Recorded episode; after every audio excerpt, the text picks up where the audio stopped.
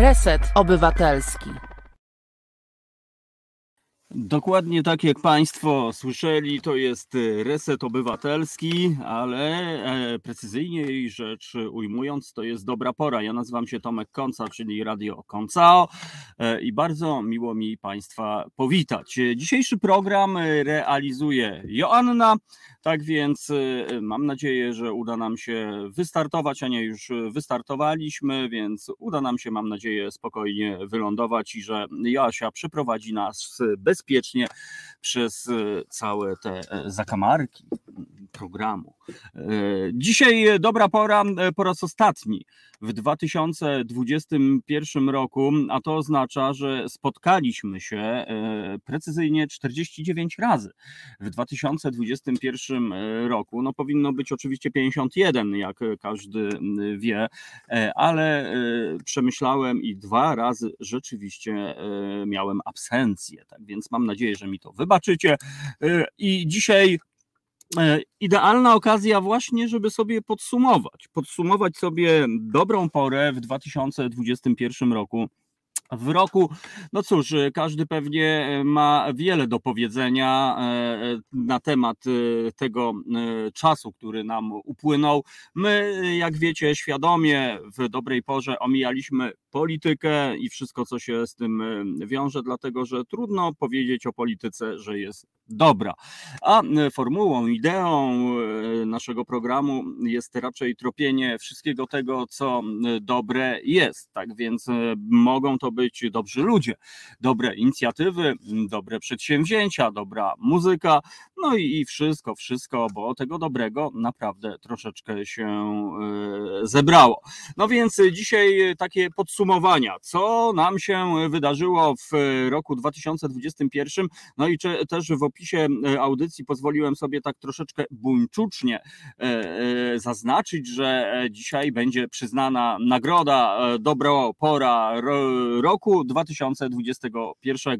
No oczywiście to trochę tak na wyrost, no, żeby podbić zasięgi, no ale nie, tak sobie dużo ostatnio myślę, że gdyby rzeczywiście ode mnie zależało wyróżnienie i wskazanie osoby, inicjatywy albo przedsięwzięcia, o którym mówiliśmy w dobrej porze, to ja takowe właśnie mam, ale pozwolicie, moi drodzy, mm, pozwolicie, że zostawię to na koniec naszego programu. Polityka ma długą historię. Bywało nieźle, Tomasz Szyndralewicz pisze. Oczywiście, Tomasz, e, ja się z tym całkowicie zgadzam. Tutaj pozwoliłem się sobie e, na taki troszeczkę skrót myślowy, bo mówiąc polityka, mówię o kontekst e, ostatnich czasów, ostatnich lat, jednym słowem. No a raczej e, tutaj e, naprawdę mało, mało dobrego. Zresztą ja do tej polityki nawiążę, dlatego że, e, a może właśnie nie będę trzymał się chronologii, proszę Państwa, tylko tak uznaniowo sobie zrobimy research. Kogo spotkaliśmy w 2021 roku w dobrej porze? No i myślę, że a propos tej polityki, no to chyba bardzo dobrze wspomnieć o dwukrotnym spotkaniu z Andrzejem Dołeckim. E, Andrzej Dołecki, jeżeli ktoś nie wie, drodzy Państwo, to prezes Stowarzyszenia Wolne Konopie. E, stowarzyszenie, które walczy po pierwsze o dekryminalizację, e, legalizację konopi rekreacyjnej, ale również zajmuje się w ogóle konopią w, w szerokim zakresie tego słowa. Zresztą ostatnio miałem przyjemność być na kongresie założycielskim Polskiej Izby Konopi i powiem Wam, że jestem pod ogromnym wrażeniem. Ale dlaczego?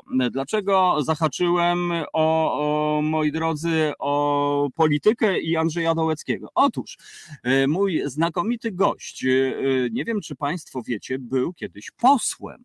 Był e, kiedyś posłem na Sejm, nie pamiętam której kadencji, natomiast z ramienia Palikota, któremu uwierzył, tak jak pewnie mnóstwo ludzi, no bo wiadomo, Palikot tam zamulił, zamydlił. No i jednym z takich zamulonych, zamydlonych okazał się Andrzej Dołecki, który po prostu uwierzył politykowi. Dostał się do Sejmu, gdzie piastował mandat, no i, i to, co mówi, jest naprawdę wstrząsające, dlatego że to się sprowadza do tego wszystkiego, że kiedy już zgasną światła, kiedy już media pójdą sobie do domu, nagle się okazuje, że całe to towarzycho w większości sobie siada i nie ma problemu, żeby sobie pić wódę razem, żeby bawić się w najlepsze. Zresztą sami e, Państwo byliście świadkami jakiś czas temu, była taka grubsza medialna afera, że pewien dziennikarz zaprosił e, różnego rodzaju przedstawicieli, że tak powiem, polityki i nagle się okazało, że ci, którzy tak się e, leją, że tak powiem, na mównicach, nie mają problemu, żeby tam sobie powibrować. Tak więc i powiem Wam, że w czasie przemowy Andrzej Dołecki na kongresie założycielskim Polskiej Izby Konopi wspomniał o dwóch faktach ze swojego życiorysu, a mianowicie o byciu posłem i o siedzeniu w kryminale. No bo oczywiście jako przedstawiciel i przewodniczący Stowarzyszenia Wolne Konopie po prostu miał konkretny zarzut. Te zarzuty sobie zostawmy. Tak naprawdę chodziło o ratowanie życia i zdrowia jego babci olejem RSO. Posiadanie oleju RSO w Polsce traktowane jest jako zbrodnia, proszę Państwa, i grozi za to 15 lat kryminału. Tak, żeby było jasno, czyli lekarstwo w innych strefach czasowych jest lekarstwem, u nas jest zbrodnią. No ale to zostawiamy. Tak czy inaczej, przemawiając, Andrzej Dołecki powiedział fajną rzecz. Proszę Państwa, kiedy nawiązał do tego, co się dzieje w Sejmie, to powiedział, że w kryminale było o wiele lepsze jakościowo towarzystwo. No i ja myślę, że to jest e, naprawdę najlepszy komentarz do e, polityki. E, także, moi drodzy, tak to jest z tą polityką. Ja wiem, że bywały lepsze momenty, ale to musielibyśmy pewnie zostać socjologami polityki albo historykami polityki i tak dalej, i tak dalej. Sam znam takie fajne, dobre, pozytywne momenty, mam swojego idola, jeśli chodzi o politykę, jest nim Eugeniusz Kwiatkowski, ale no, takich ludzi dzisiaj raczej już e, nie znajdziemy. Tak więc e, to taki drobny przelocik a propos, a propos e, moi drodzy, właśnie tej historii, czyli polityki, no więc przywołałem postać Andrzeja Dołeckiego, Stowarzyszenie Wolne Konopie, któremu bardzo serdecznie kibicuję, no i przede wszystkim Polska Izba Konopi, dlatego, że szacuje się, że już za kilka lat biznes konopny zdeklasuje biznes węglowy w Polsce. No i zresztą e, mamy bardzo dobry parametr ku temu. Wystarczy patrzeć, co robi cały świat, no i dlaczego, dlaczego u nas z tego nie korzystać. No więc e, tak to właśnie wygląda. A ja spoglądam, proszę Państwa, na kolejne historyczne fakty e, z dobrej pory. 2021 roku spotkaliśmy się również, proszę Państwa, z Andrzejem Mołczanowem.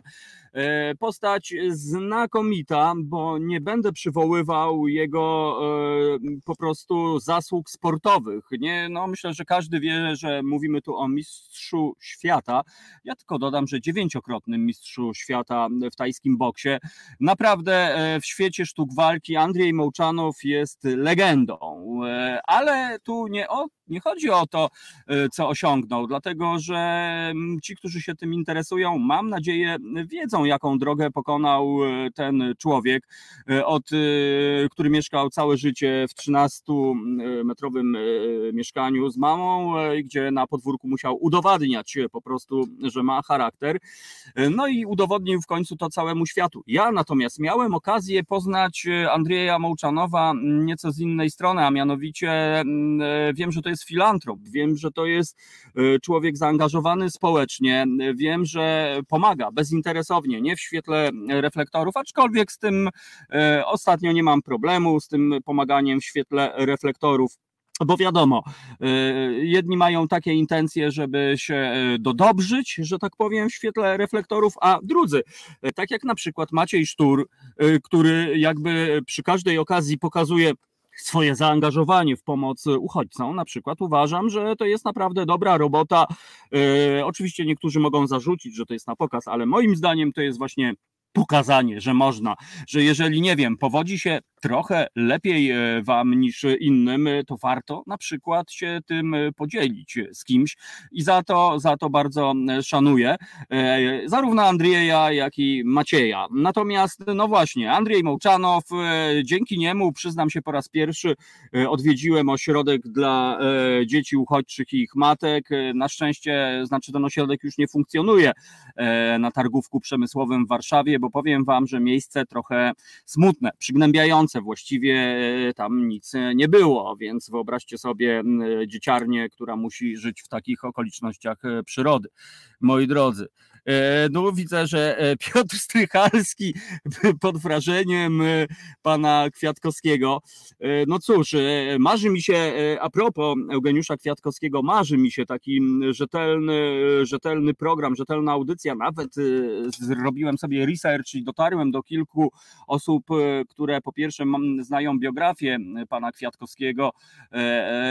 No, no nie będę mówił na pamięć, bo to nie o to chodzi, ale, ale no, dla mnie postać znakomita postać pozytywistyczna, postać, która wpisuje się e, w ideę dobrej pory, gdyby to ode mnie zależało, byłby on, e, e, proszę Państwa, byłby on patronem, byłby on patronem dobrej pory. No takich polityków, takich ludzi ze świeczką szukać, aczkolwiek Eugeniusz Kwiatkowski też jest takim przykładem, pewnie mało kto wie, że, że również po wojnie brał udział w rządzie, kiedy już był ten rząd, sami wiecie jaki. Natomiast no oczywiście go omamiono, tak jak prawdopodobnie Andrzeja Dołeckiego, e, że będzie mógł podziałać, a za bardzo zrobić nic nie mógł. Ale to zostawiamy pana Eugeniusza Kwiatkowskiego, e, bo mam nadzieję kiedyś przywołamy tę znakomitą postać. E, pamiętam, że przy audycji z Andrzejem Mołczanową spotkaliśmy się też z Waldemarem Czechowskim, prezesem Fundacji na rzecz niematerialnego dziedzictwa, który opowiedział o bracie y, marszałka Piłsudskiego, którego y, pomnik stoi na Hokkaido, proszę Państwa. Kto z Was y, naprawdę wiedział, że takie historie istnieją? Tak więc ja przyznam się, że byłem naprawdę zaskoczony. No i również pamiętam, że tego dnia, czyli mówimy dokładnie o dziewiątym odcinku dobrej pory, którego emisja była 4 stycznia 2021 roku. Tak, proszę Państwa, takie ma się informacje. E, również e, spotkaliśmy się z dziewczynami, przedstawicielkami, aktywistkami młodzieżowego strajku klimatycznemu, e, klimatycznego. Jak wiecie, MSK bliski jest memu sercu, kibicuję, wspieram i kiedy jest tylko okazja, zapraszam młodych ludzi, którzy naprawdę są zaangażowani w swoją przyszłość, bo tutaj mówimy o przyszłości, proszę Państwa, i to przyszłości ich, nie naszej. No bo sami wiecie, nam prawdopodobnie bliżej niż dalej, ale dzieciarni na szczęście dalej niż bliżej. Więc MSK, jak to się mówi, zawsze w sercu i zawsze, zawsze im kibicuję, zawsze z, z ogromnym wrażeniem spoglądam na to zaangażowanie i na tą wiarę. Oczywiście dorośli mogą zarzucić, że MSK po prostu, no wiadomo, też kiedyś przecież byliśmy y, dziećmi, kiedyś byliśmy młodzieżą, kiedyś byliśmy naiwni, kiedyś myśleliśmy, że świat można zmienić, no ale później y, właśnie co z tego nam zostało, proszę Państwa, skoro mieliśmy takie fajne plany, a gdzieś później po drodze okazało się, że no, z tych planów niewiele zostało, z różnych oczywiście powodów, y, ja tutaj nie będę Was namawiał oczywiście do refleksji, natomiast tak czy inaczej kibicujemy. Mam nadzieję, że Wy również e, e, kibicujecie młodzieżowej, młodzieżowemu strajkowi klimatycznemu. Pa, no to teraz dalej, dalej, proszę Państwa, sobie tutaj lecimy w podróż w czasie. No i kolejne spotkanie, które zapamiętałem w ramach dobrej pory, no to styczeń, proszę Państwa. Z czym kojarzy nam się styczeń? Karniwal czyli karnawał. Czyli nie wiem, czy pamiętacie spotkanie z Adrianą Goulart, znakomitą brazylijską tancerką, twórco, twórczynią pierwszej rewisamby w Polsce. No ja pamiętam, że to była naprawdę bardzo dynamiczna, bardzo wesoła, zwariowana, wstrząsająca, ale w tym pozytywnym słowa znaczeniu, bo chodzi o, o shake, że tak powiem. Więc tę audycję naprawdę wspominam z, no, z rozrzewnieniem, zważywszy, że Brazylia jest mi niezmiernie bliska i gdzieś tam, gdzieś tam mam nadzieję, że uda mi się kiedyś tam dotrzeć na ten cudowny ląd. Roztańczony, rozwibrowany muzyką, no ale też e, pełen e, kontrastów, czyli bogactwo i bieda. Ale z drugiej strony powoli Polska wcale się nie różni e, od Brazylii, no bo z drugiej strony zdając sobie sprawę, że mamy taką skalę problemów związanych z bezdomnością, no to naprawdę słabo. A w Brazylii są fawele, czyli miejsca, gdzie można sobie mieszkać. Te fawele już dawno nie mają nic wspólnego z taką stereotypową, z, z, takim slumsem, że tak powiem. Bardzo często są to normalne, regularne miejsca, z tą jedynie różnicą, że nie płaci się żadnych opłat, bo wszystko jest na nielegalu, czyli prąd jest na lewo, e, woda jest na lewo i po prostu wiele osób, e, znam takich e, na przykład policjantów brazylijskich, którzy bez problemu mieszkają sobie w faweli. Oczywiście są te różne fawele, jak wiecie, bo są fawele podzielone na różnego rodzaju strefy wpływów, gdzie głównie trzęsie komando Vermelio, czyli Czerwone Komando. Największy, największa grupa przestępcza na świecie, proszę Państwa, ale e, te ciekawostki to sobie zostawiamy. No i e, kolejne spotkanie, które zapamiętałem w sposób szczególny, to spotkanie z Krzysiem Marynowiczem, e, Fundacja dla Wolności. Krzysiu opowiedział nam o etnolidze, czyli o wspaniałym przedsięwzięciu sportowym. Zresztą Etnoliga dostała nagrodę UEFA za swoje oddolne oddolne działania. Etnoliga, proszę Państwa, czyli e, e, liga piłkarska, która składa się e, z zawodników pochodzenia cudzoziemskiego, jeśli tak można powiedzieć. Także to jest naprawdę wspaniała inicjatywa. Również spotkaliśmy Maję Ratyńską i Martynę Łukaszewską, wspaniałe dziewczyny, które prowadzą, opiekują się właśnie miejscem, o którym mówiłem przy okazji Andrzeja Mołczanowa, czyli przystanek Świetlica. Niegdyś to było schronisko właśnie na targówku przemysłowym w Warszawie.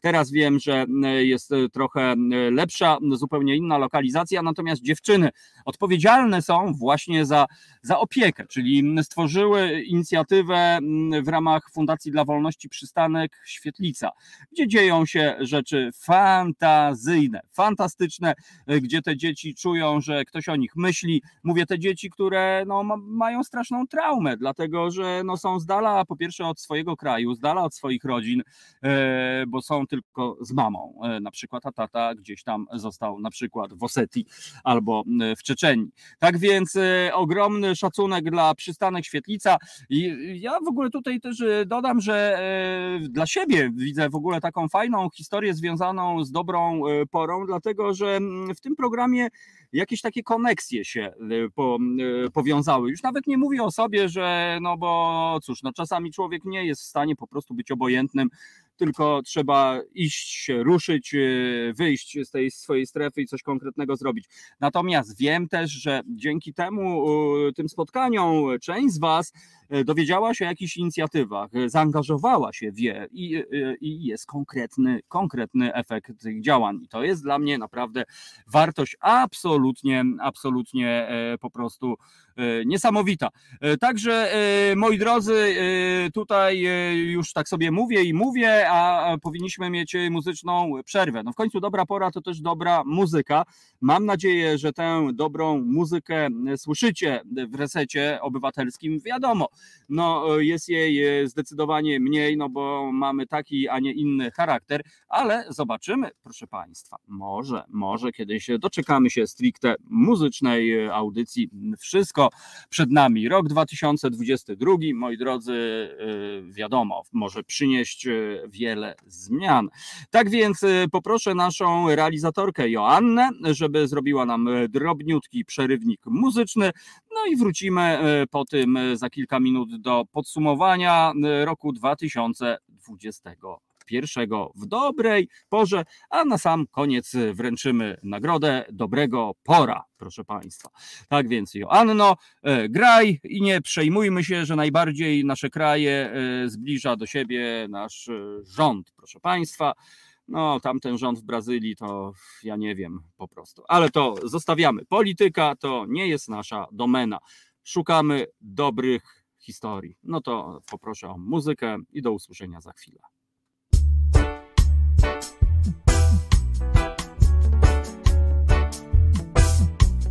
No, Angelina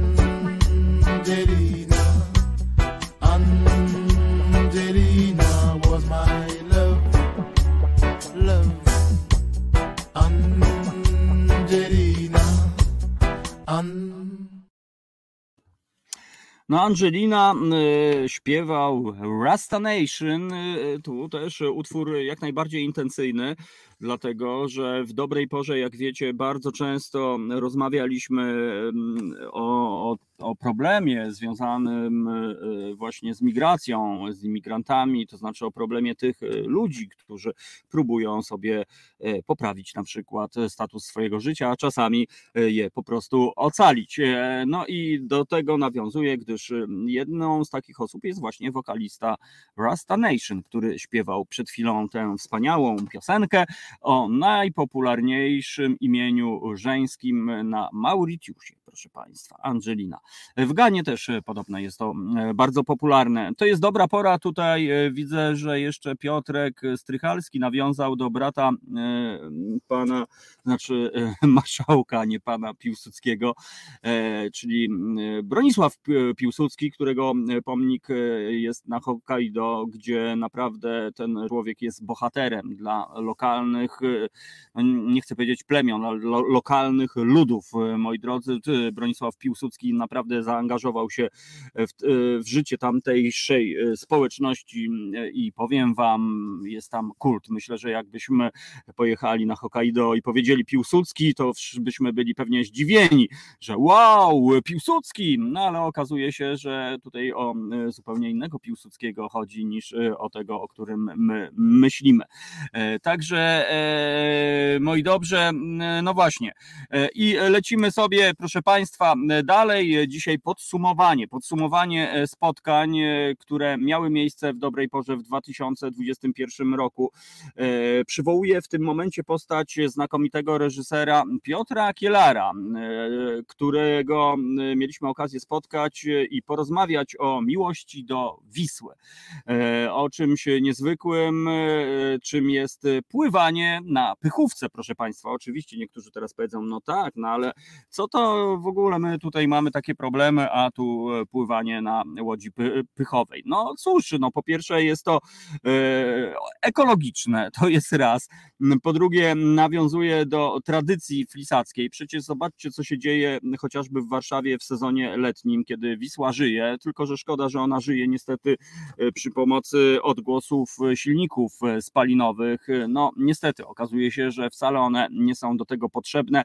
Natomiast pasja, z jaką Piotrek Kielar opowiada, zresztą e, miałem okazję z nim pływać e, tą łódką, e, dostać kilka lekcji pływania po rzece, jak czytać rzekę, więc to jest naprawdę niesamowite. Oczywiście możecie obejrzeć film Piotra Kielara pod prąd, naprawdę króciutki, fantastyczny dokument. No i cóż, tego dnia pamiętam, również spotkaliśmy się z duetem muzycznym Kabuko, czyli Kamila Bukowska e, i Krzysztof Będkowski, zwany Krzysztoforem e, e, Bębnowskim.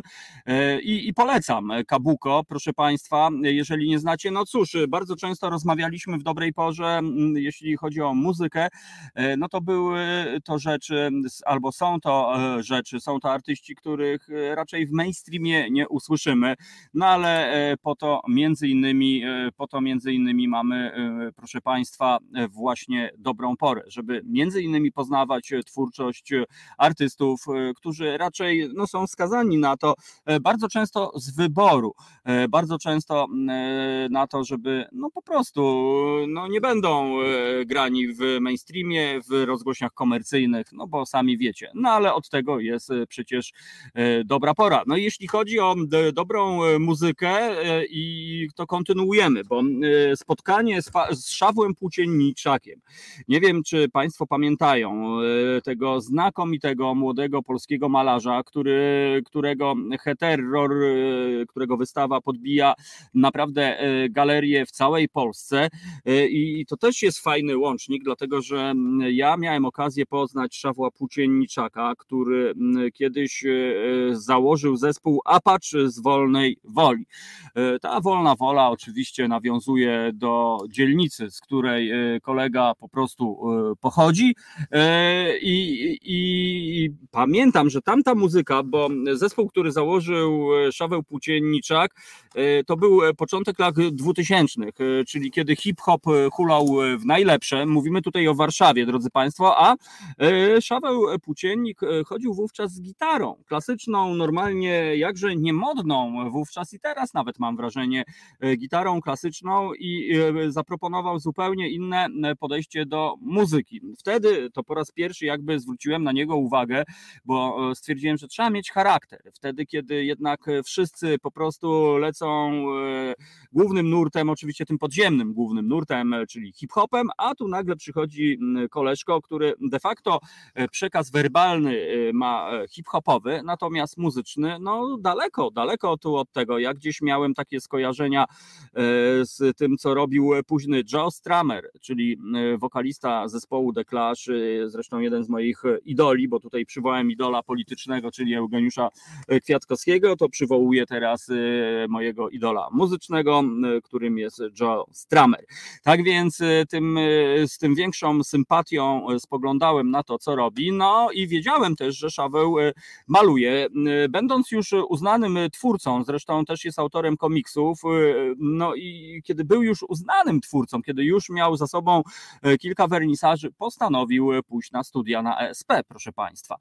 I to jest naprawdę moim zdaniem fantazyjne, bo to dowodzi o tym, tego, że, że ma mnóstwo pokory w sobie ten człowiek, bo mógł już w pewnym momencie odcinać kupony, on postanowił jednak to zostawić, wrócić na, pójść na ESP, które skończył, no a teraz, a teraz Szaweł Płóciennik, proszę Państwa, niesamowita postać. Szaweł Płóciennik, polecam jego wystawę Heterror i myślę, że naprawdę zrobi wrażenie. No i to jest taki łącznik właśnie między troszeczkę muzyką, sztuką, no i przede wszystkim bardzo mocny łącznik kulturowy.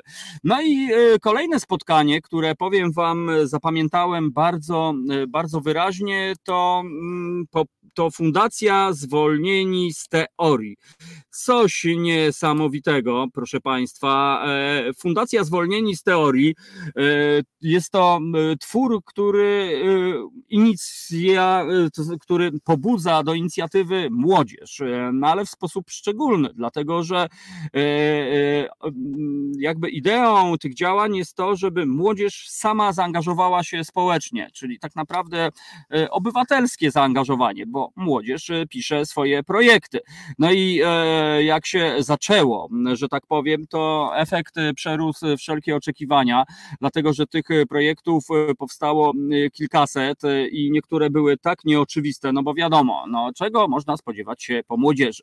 A że zrobi coś na przykład dla siebie, może jakiś festiwal muzyczny, a może sobie klubik otworzy, a tu okazuje się, że dzięki tym działaniom, na przykład młodzież ze szkoły budowlanej napisała projekt po to, żeby odnowić na przykład oddział szpitala dziecięcego. Tak więc to jest dla mnie niesamowita historia. Zresztą mam nadzieję, że na początku nowego roku spotkamy się również z przedstawicielkami Fundacji Zwolnieni z Teorii, no żeby porozmawiać o zaskakującej ilości projektów, dlatego że to, co się teraz dzieje, to w ogóle przechodzi ludzkie oczekiwania i jakby pozwala patrzeć z nadzieją, bo tutaj znowu wrócę do młodzieży, która po pierwsze gdzieś tam jest przemilczywana przez, przez że tak powiem, rządzących, przez bardzo często przez dorosłych, no już z założenia gdzieś tam jest powiedzmy bagatelizowana albo gdzieś tam nietraktowana poważnie. No a tu okazuje się, że kiedy dać wolną rękę, oczywiście kiedy zainspirować i podpowiedzieć, to okazuje się, że ta młodzież naprawdę robi rzeczy niewiarygodne, przełamuje stereotypy i przede wszystkim przełamuje ten najgłupszy stereotyp, że młodzież nic nie robi poza siedzeniem z telefonem. Więc naprawdę polecam, polecam działania Fundacji Zwolnie, Zwolnieni z Teorii. No, również spotkaliśmy się z DJ-em Felixem.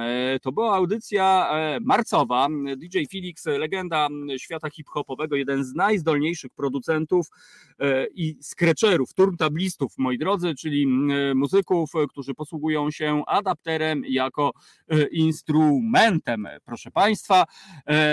I DJ Felix zafundował nam naprawdę wrażenia nie lada, bo oprowadził nas po swoim domu, tak więc audycja w jednej chwili stała się audycją absolutnie interaktywną, gdzie z trudem, przyznam się, zdążałem. Tomasz pisze, że klasyczna gitara służy do grania, do uprawiania muzyki, a hip-hopu nie da się, o, o hip-hopie nie da się tego powiedzieć. No Tomasz, to dosyć radykalne stwierdzenie, ale cóż, no, każdy ma prawo głosić takie sądy. Ja nie będę absolutnie z tym polemizował, choć absolutnie uważam zupełnie inaczej po prostu, że hip-hop jako manifestacja kultury ulicznej z założenia jest wszech, wszech jakby potężna, po prostu i to nie ogranicza tylko się do tego, że na przykład ktoś beatboxuje albo ktoś skreczuje i tak dalej. To, to jest naprawdę grubsza rzecz. E, a ja e, tutaj przywołam jeszcze taki zespół OMC z Nowej Zelandii, znakomity zespół OMC, który cudownie mieszał właśnie e, brzmienie gitary akustycznej z hip-hopem. Tomaszu, jeżeli znasz, no to no, brutalnie mówiąc, nie możesz mi odmówić racji. Jeżeli nie znacie, polecam bardzo serdecznie zespół OMC, czyli OMC, ich wielki przebój How Bizarre, prawdopodobnie Państwo bardzo dobrze znają. No szkoda tylko, że niestety wokalista tej formacji is dead, jak to się mówi, ale no cóż, tak to już jest. Dlatego ja staram się być daleki od takiego generalizowania, że coś nie przystoi czemuś albo że się nie da. Ograniczenia podobno tkwią tylko i wyłącznie w naszych głowach. Także, drodzy Państwo, tutaj dochodzimy do kolejnej przerwy muzycznej. No, dzisiaj taka audycja, jak widzicie, w luźniejszej trochę formule. Koniec roku się zbliża, a to czas właśnie albo podsumowań, albo patrzenia z wiarą w przyszłość no to my dzisiaj trochę taki drobny, drobne spojrzenie, drobna retrospekcja na to, co działo się w dobrej porze. Tak więc, droga Jasiu, poprosimy o muzykę, a potem a potem sobie dalej porozmawiamy o gościach, inicjatywach, przedsięwzięciach, które pojawiły się w dobrej e, porze. Tak więc e, zapraszam na muzyczną przerwę, a później poopowiadam innymi o Grzegorzu Drzystku, proszę Państwa. Kto z Was słyszał e, to nazwisko? Sołtys wsi Jagiełły na Podkarpaciu. O, dobry człowiek. No to my lecimy. Poproszę o muzykę. Ciekawe, czy to będzie może rapowa muzyka z przekąsem, tutaj tak sobie mówię.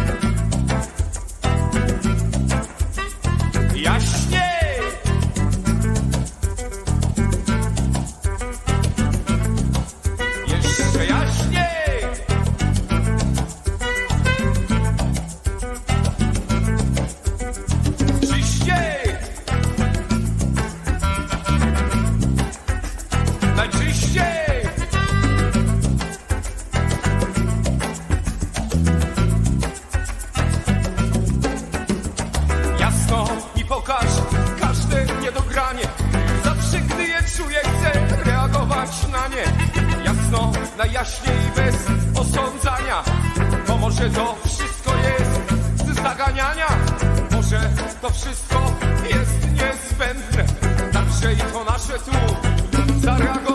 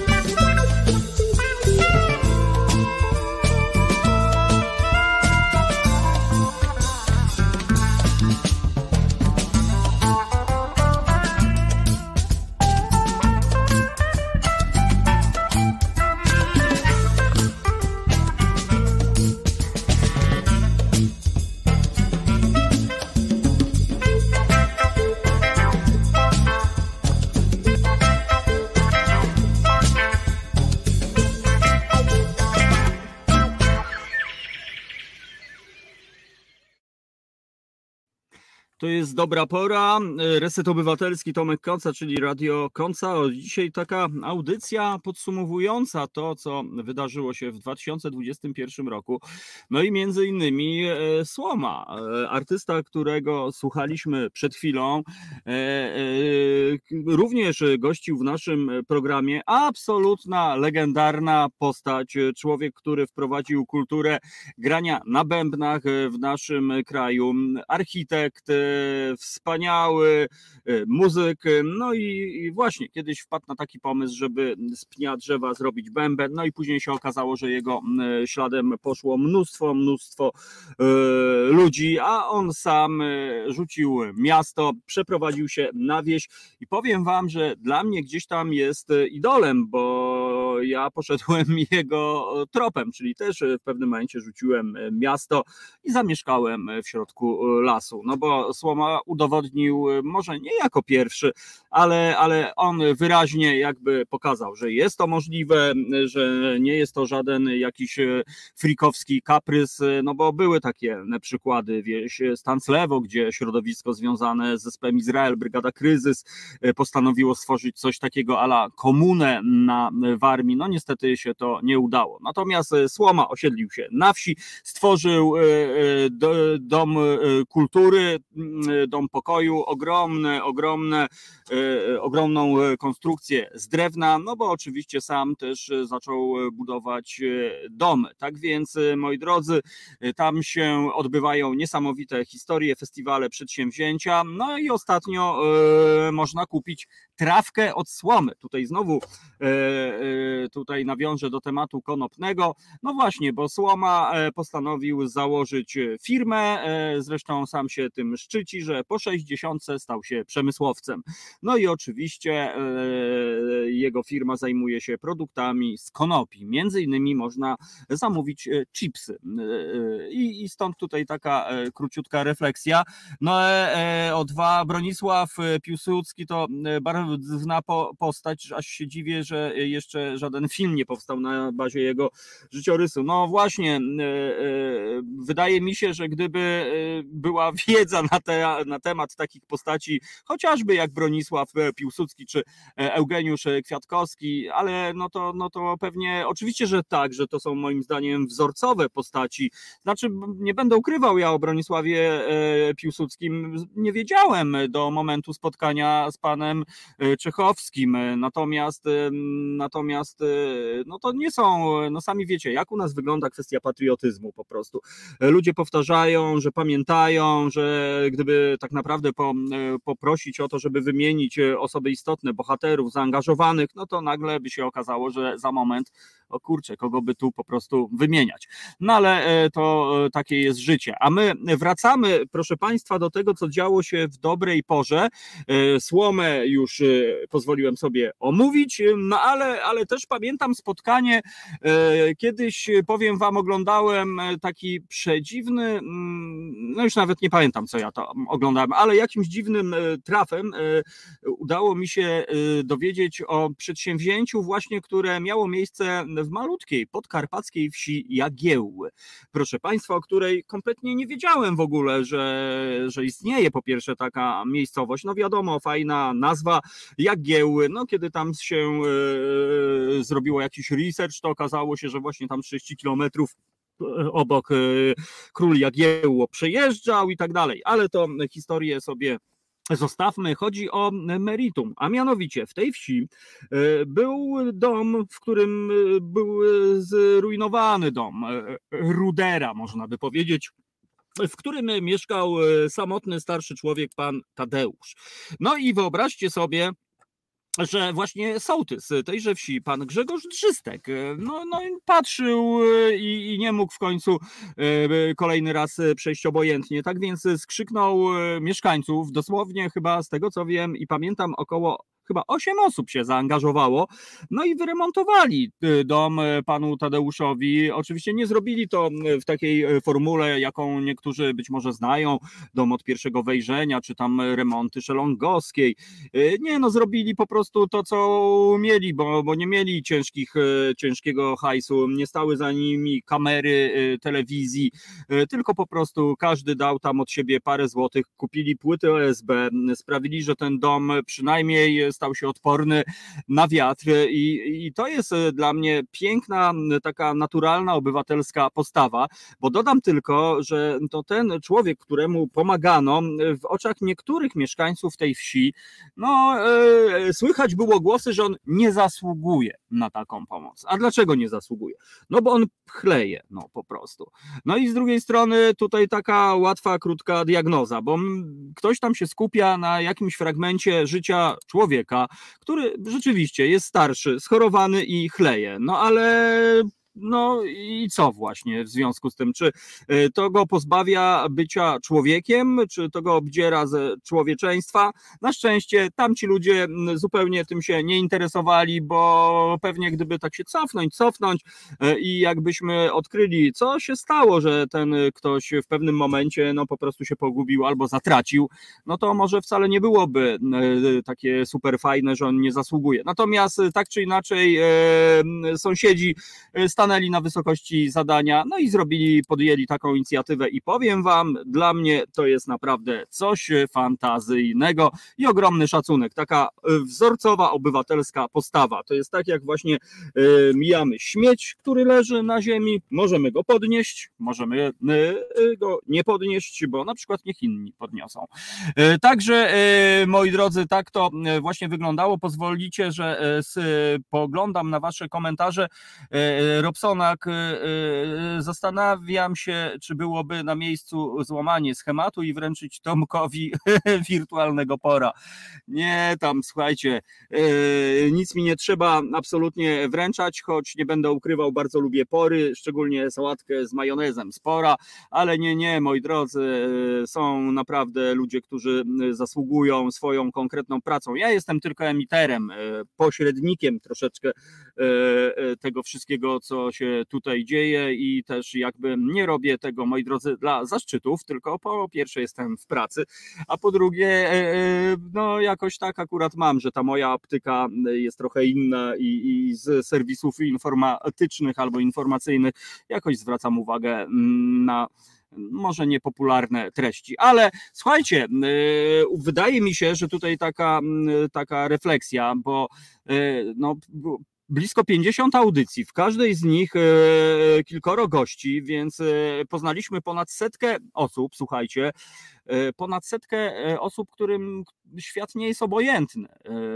którzy no, wychodzą, raz jeszcze powtórzę, ze strefy swojego komfortu, i naprawiają ten świat po prostu. Bardzo często na poziomie wód gruntowych. To taki cudowny kiedyś e, jeszcze w Halo Radiu pamiętam, ktoś określił e, jakość tego, co robię, że nawet to nie jest dno, tylko że to jest poziom wód gruntowych. Pamiętam, że wtedy w pierwszej chwili zrobiło mi się trochę przykro, ale później stwierdziłem, że to jest przecież kurczę cholernie fajne, no bo bez wód gruntowych przecież nic nie istnieje. Tak więc tutaj zostało zostawmy to, bo, bo naprawdę to są dla mnie cisi bohaterowie, super bohaterowie, ludzie, którzy robią małą, mozolną pracę, e, dzięki której e, komuś żyje się lepiej, dzięki której ktoś być może uwierzył e, w siebie, uwierzył w świat, uwierzył w dobro, a może je po raz pierwszy spotkał. No i mam nadzieję i chciałbym w ogóle, żeby tych tematów nigdy nie zabrakło, ale mam nadzieję, że tak właśnie po prostu będzie. Moi drodzy, no i cóż, tutaj muszę przywołać kolejną wspaniałą inicjatywę. E, wszystko w ogóle bardzo często zauważyłem, że e, siedziby fajnych stowarzyszeń, fundacji, inicjatyw, jeśli chodzi o Warszawę, mieszczą się na prawej stronie e, Wisły, w prawobrzeżnej Warszawie. Ja sam się wychowałem na Grochowie, robotnicza dzielnica, jakże niepopularna, przez długi czas uchodziła za bardzo niebezpieczną. I tak dalej, i tak dalej. Cały czas jest takie poczucie właśnie, że ta prawa część Warszawy, ta stara część Warszawy, no to są to takie szemrane miejsca. Rzeczywiście są to szemrane miejsca, ale wynika to z tego, że bardzo często mieszkają tam ludzie biedni, bardzo często są to opuszczone stare kamienice, w sensie opuszczone, że zapomniane, gdzie świat się, czas się zatrzymał. No i zaskakujące jest to, że właśnie na tej prasce po prostu mm, znalazły siedzibę znakomite e, stowarzyszenia, fundacje, inicjatywy, znakomite miejsca. Jednym z nich jest Stowarzyszenie Otwarte Drzwi. Coś pięknego, proszę Państwa, kiedy mm, cały czas w pamięci mam e, historię jak e, koleżanka, e, którą e, gościliśmy, Marta Kończak, która opowiadała, jak to się działa właśnie kiedyś tam w siedzibie tego stowarzyszenia. Przyznam się, że nie pamiętam dokładnie, czy to jest ulica Floriańska, czy nie. No generalnie na Prasce, proszę Państwa. Praszka, czyli kamienice przelotowe, podwórka, gdzie no niestety, no znam takich, co potracili majątek, bo, bo poszli tam sobie z ciekawości robić zdjęcia, że tak powiem, tubylcom. No no i e, skończyło się, że i aparat zniknął, i laptop, i wszystko zniknęło. No ale no to są takie naprawdę miejsca, gdzie brutalnie mówiąc, jak ktoś nie umie się zachować, to bardzo szybko zostanie zweryfikowany, a jeżeli ktoś umie się zachować, to będzie normalnie sobie mógł egzystować e, tak jak e, wszędzie.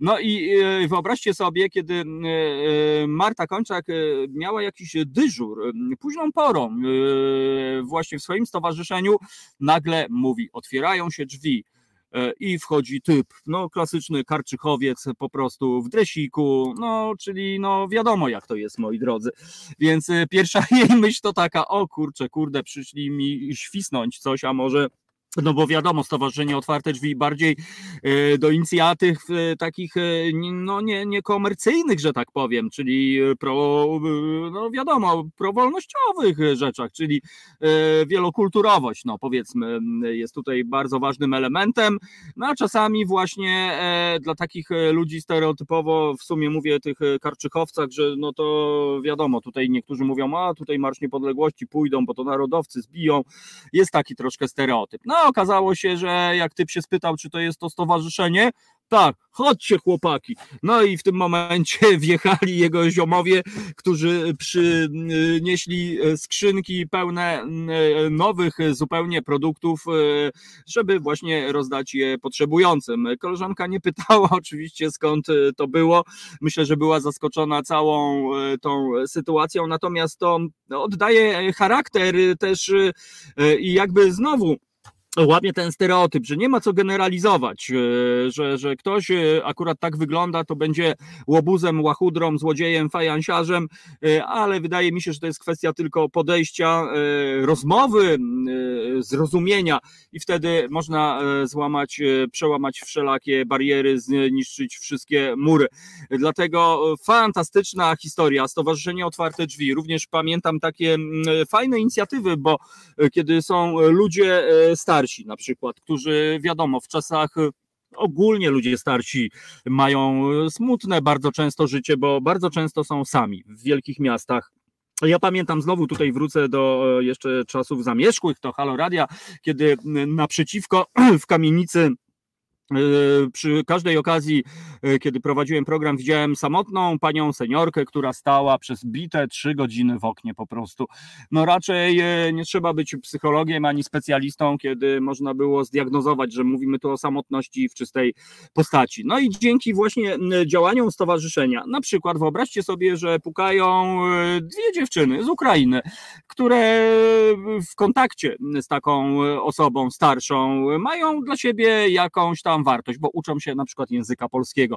Osoba starsza e, ma towarzystwo, czyli coś, e, na co czeka się chyba po prostu najbardziej e, i przyznam się, że, że to mi tak cholernie otworzyło oczy, że takie drobne, malutkie rzeczy, które pozornie wydają się w ogóle nieistotne, one mogą naprawdę działać i one działają. Dlatego Dlatego z ogromną estymą myślę po prostu o tym. Jacek Fedorowicz 10 lat temu popełnił felieton o wyjęciu spod prawa, a no to ja tam nie wiem, co ogólnie po kieliszku to się, moi drodzy, powinno siedzieć w domu, natomiast ja to tam nie wiem, jak to jest z tym wyci, wy, wyjęciem o, spod prawa.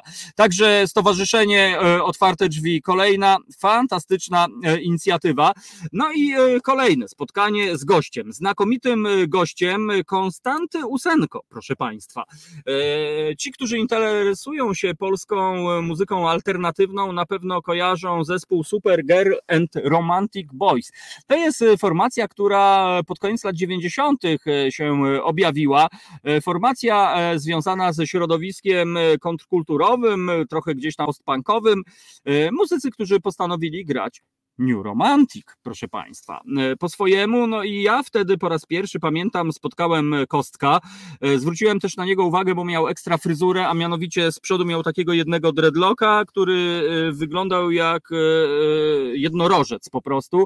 No to naprawdę, powiem Wam, wymagało jakiegoś charakteru, jakiejś takiej trochę odwagi, no bo wyobraźcie sobie, że wchodzi taki typ do tramwaju w połowie lat 90., no i wszyscy się jednak gapią. No ale to zostawmy Konstanty Usenko jako człowiek, który pół życia spędził e, na wschodzie, czyli w Rosji, jednym słowem, e, jak mało kto zna tamtejszą scenę muzyczną. E, tak więc pamiętam jego spotkanie, no, no oglądało się po prostu i słuchało tego, jakbym uczestniczył w jakimś filmie, kiedy, kiedy Kostek właśnie sprecyzował, skąd ten Dixielandowy jazz w Odessie z takim klezmerskim charakterem, skąd w ogóle pankowcy w Leningradzie, jak to wszystko wyglądało i to jest najciekawsze, że to się działo mniej więcej równolegle do rewolucji e, kulturowej, która działa się na przykład na wyspach i to jest w ogóle fenomen, e, znaczy fenomen, e, że my nic o tym naprawdę nie wiemy, no bo wiadomo, kiedy powiemy muzyka ruska. No przepraszam, że to rus, ruska. Nie chcę nikogo obrażać, ale tak się mówi, no po, pospolicie i slangowo. Pal 6, polityczną poprawność, proszę Państwa. E, no to co? No co my, wiadomo, ci, którzy nie siedzą jakby w tym klimacie, za wiele nie będą e, mogli powiedzieć. No ci, co troszkę więcej niż Aułę Pugaczową znają, no to trochę wymienią. Mam nadzieję zespół Akwarium, zespół Kino. To są takie ikony tej muzyki niezależnej, no ale okazuje się, że po prostu E, no, jest to ocean, ocean muzyczny, zresztą ja sam przyznam się, kiedy poznałem e, muzyczną, e, muzyczne oblicze rosyjskiej sceny reggae, to byłem w totalnym szoku, gdzie nagle się okazuje, że na Syberii oprócz szamańskich wibracji progresywnego rocka grają na przykład szamańskie reggae, no to powiem wam, że byłem naprawdę w szoku. Z tego co wiem, Kostek zresztą jest autorem kilku książek. Teraz albo się niedawno ukazało, albo się ukaże e, książka, która eksploruje temat tatarskiej e, muzyki, proszę Państwa, tatarski rap, tatarski rock. No to jest w ogóle coś fenomenalnego. Proszę Państwa, o tym za bardzo niestety nic nie wiemy. E, ja troszeczkę ubolewam. No i kolejne tutaj spotkanie muzyczne Mikołaj Tabako, proszę Państwa.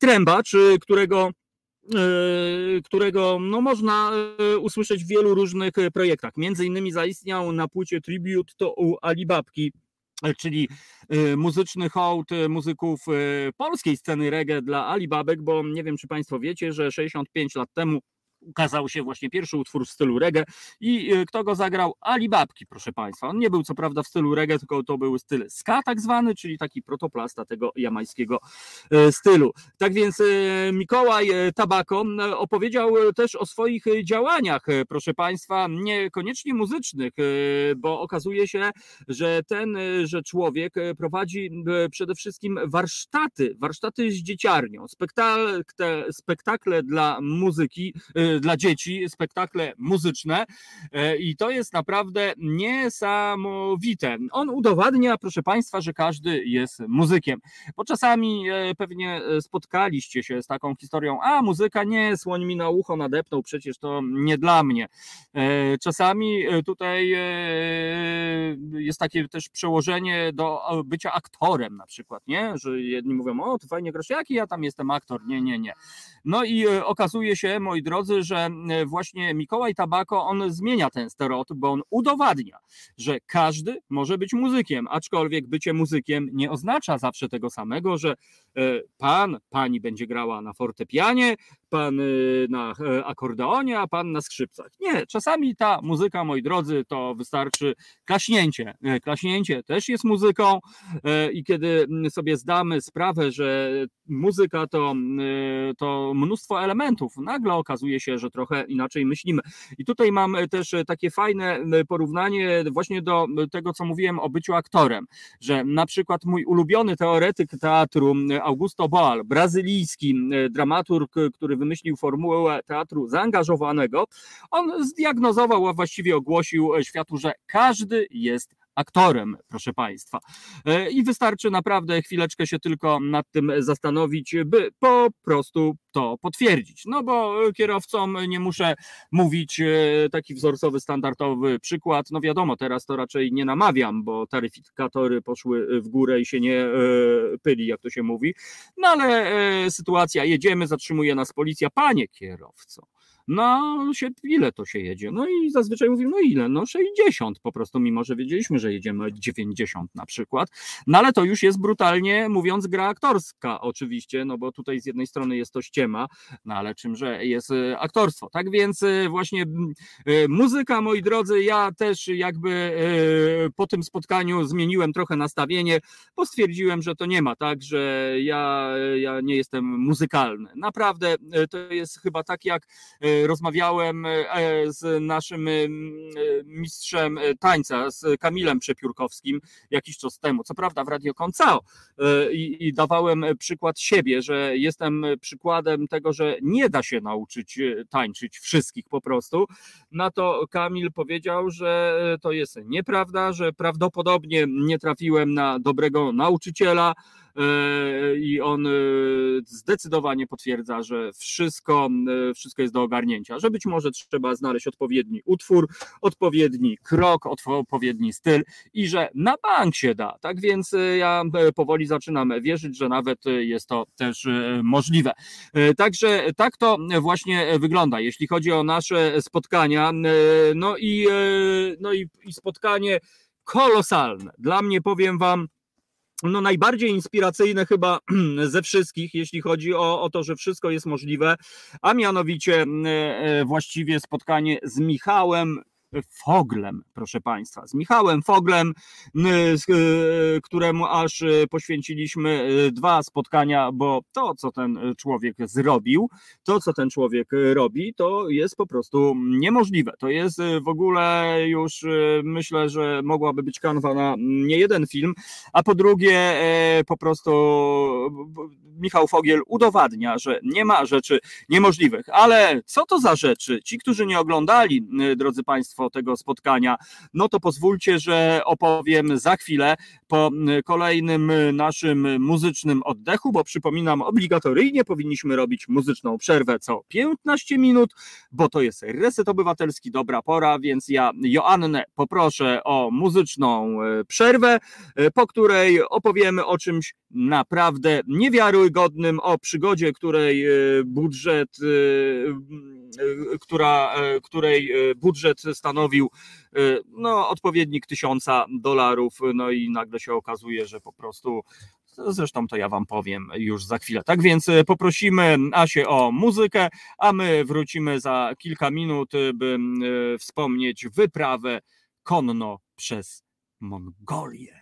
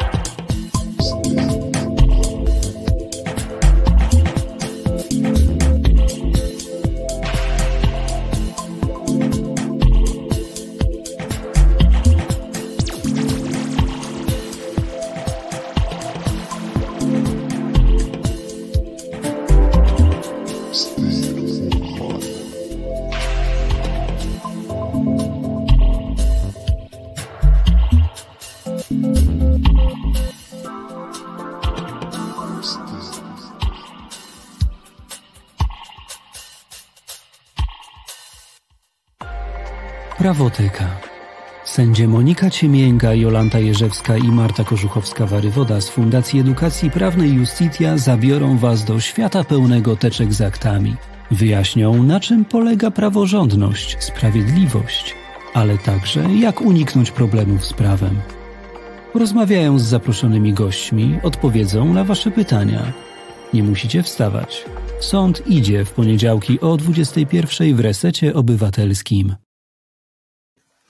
E, Dokładnie tak jak Państwo e, słyszeli e, w tej zajaweczce, a ja też fajnie, że Asia zagrała nam utwór Virus autorstwa DJ-a Mesbruta, utwór autora, którego gościliśmy w dobrej porze. Nie wiem, czy Państwo wiecie, ale Bartek Dziennikiewicz, czyli DJ Mesbruta, parę lat temu miał tragiczny wypadek, w którym niestety złamał kręgosłup i stał się po prostu no, osobą sparaliżowaną. E, Bartek się nie poddał, e, mimo no, niewyobrażalnej próby, jaką mu los, że tak powiem, zafundował e, i, e, i między innymi te dźwięki, które słyszeliście są właśnie jego autorstwa. No nie chcę, trudno powiedzieć tutaj spod ręki, to znaczy no wiem, że Bartek ma na szczęście cały czas, jest rehabilitowany i cały czas się nie poddaje, natomiast założył swoją wytwórnię Trofika Records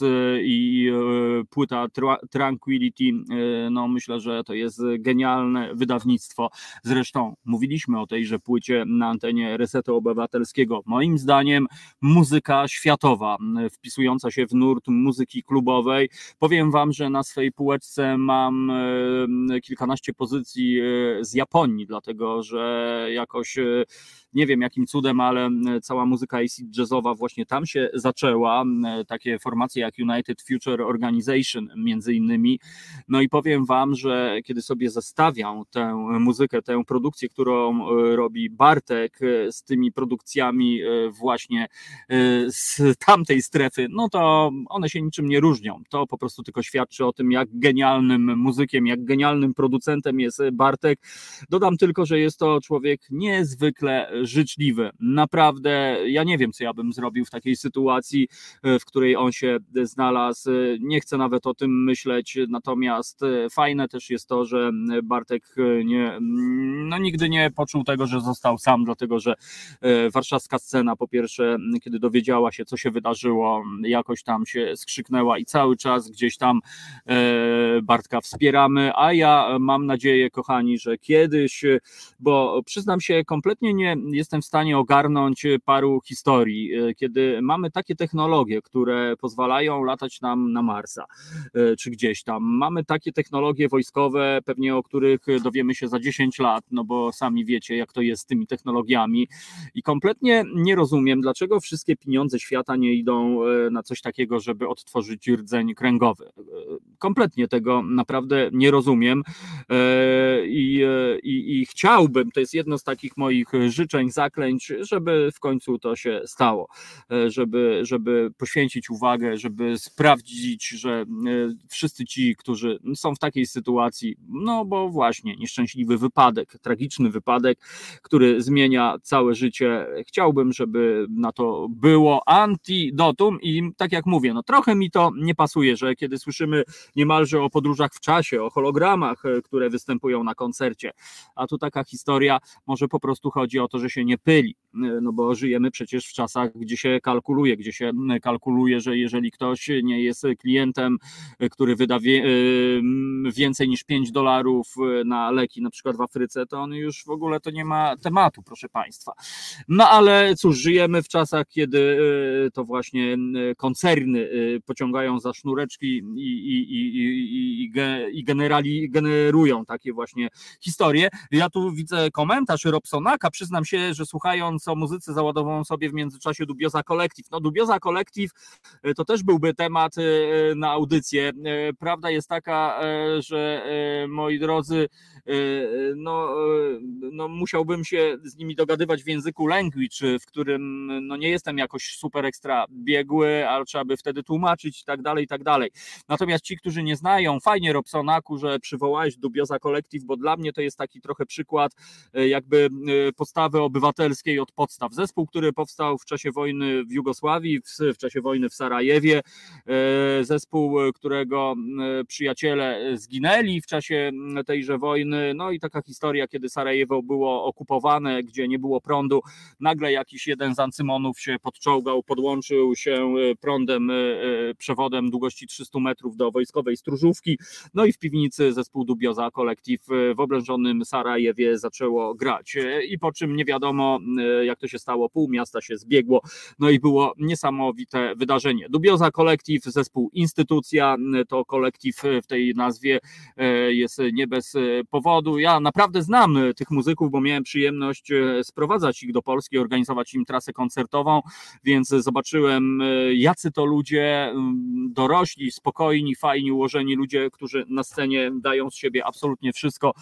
Ich muzyka to skrzyżowanie bałkańskiego funku z energią właśnie bombardowania miasta, proszę Państwa, i innymi historiami. E, Zespół Instytucja, gdzie każdy z muzyków pełni jakąś funkcję. Jeden jest kierowcą, drugi jest PR-owcem, e, trzeci e, robi kanapki, a czwarty stroi instrumenty, a piąty dba o to, żeby publiczność była zadowolona. Naprawdę fantazyjna, fantazyjna historia. E, Dubioza Collective, jeżeli nie znacie, no to polecam bardzo serdecznie. Pewnie część z Was zna takiego artystę jak Fatboy Slim. E, Dubioza Collective zrobiła swój cover e, piosenki Funk Soul Brother, jeden z największych przebojów e, Fatboy Slima. No i poprosili go o zgodę na to, żeby, żeby czy mogą wydać to na płycie. No i jak wysłali mm, to nagranie do Fatboy Slima, proszę Państwa, to typ wymięk, nie dość, że się zgodził, to zaprosił jeszcze zespół, zrobił im trasę po USA i wydał im płytę i jest ich ogromnym fanem.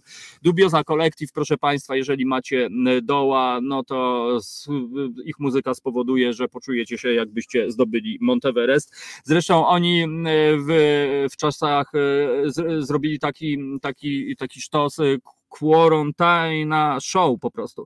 Czyli w każdy poniedziałek o 20 e, w czasie, kiedy był ten pierwszy lockdown, e, oni grali koncerty online, no i to było naprawdę niesamowita historia, która pozwalała e, ludziom na chwilę zapomnieć o opresji, w której się znaleźli.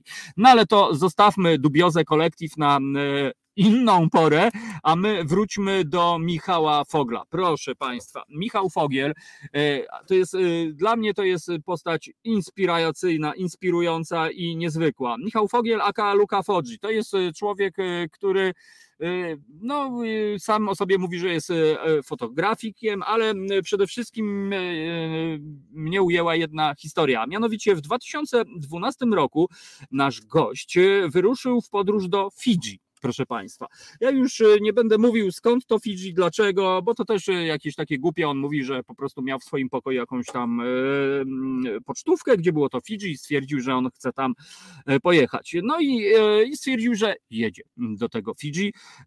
Żeby zarobić na tę podróż, pojechał na wyspy do Anglii do roboty, gdzie sobie pracował i zaoszczędził tysiąc dolary, proszę Państwa.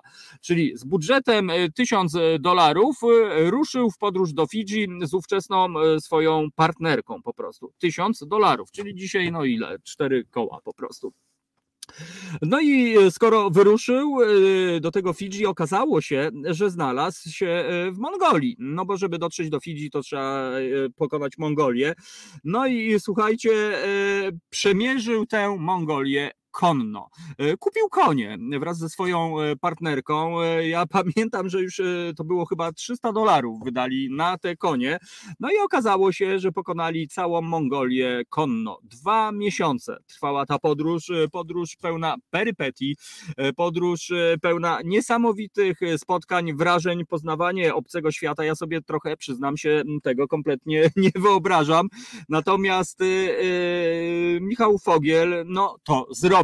E, Co mnie ujęło e, we wspomnieniach e, z tej podróży? A mianowicie to, że największą pomoc dostał mm, tam, gdzie była największa bieda czyli z jakiejś jurty, kiedy, kiedy konie uciekły, kiedy zostali totalnie gdzieś tam na stepach po prostu niemalże uwięzieni, no bo bez środka transportu, jakim jest kuń, e, no to no, słabo, proszę Państwa. No i wyobraźcie sobie, że trafili do jakiejś e, jurty, e, bidnej jurty, gdzie im pożyczono motocykl po prostu, który chyba był najcenniejszą rzeczą w ogóle tej rodziny.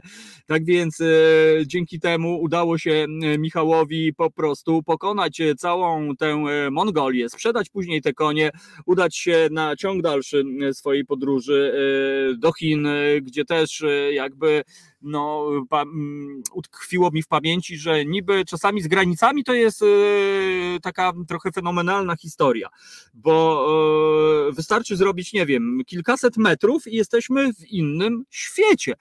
Z jednej strony Mongolia, stepy, natura, klimat, przestrzeń, z drugiej strony Chiny. Wystarczy te kilkaset metrów i wow, jesteśmy w zupełnie innym świecie. To trochę tak jak w Zgorzelcu i w Gerlitz. Nie chcę być nieuprzejmy z całym szacunkiem, ale, ale będąc e, w Zgorzelcu, no, no cóż, no od razu widać, że jesteśmy w Polsce z całym szacunkiem. Wystarczy przejść e, na drugą stronę, znaleźć się w Gerlitz i nie wiem dlaczego, ale od razu widać, że mm, jesteśmy w Niemczech po prostu. E, Kilkaset e, metrów potrafi robić ogromną różnicę.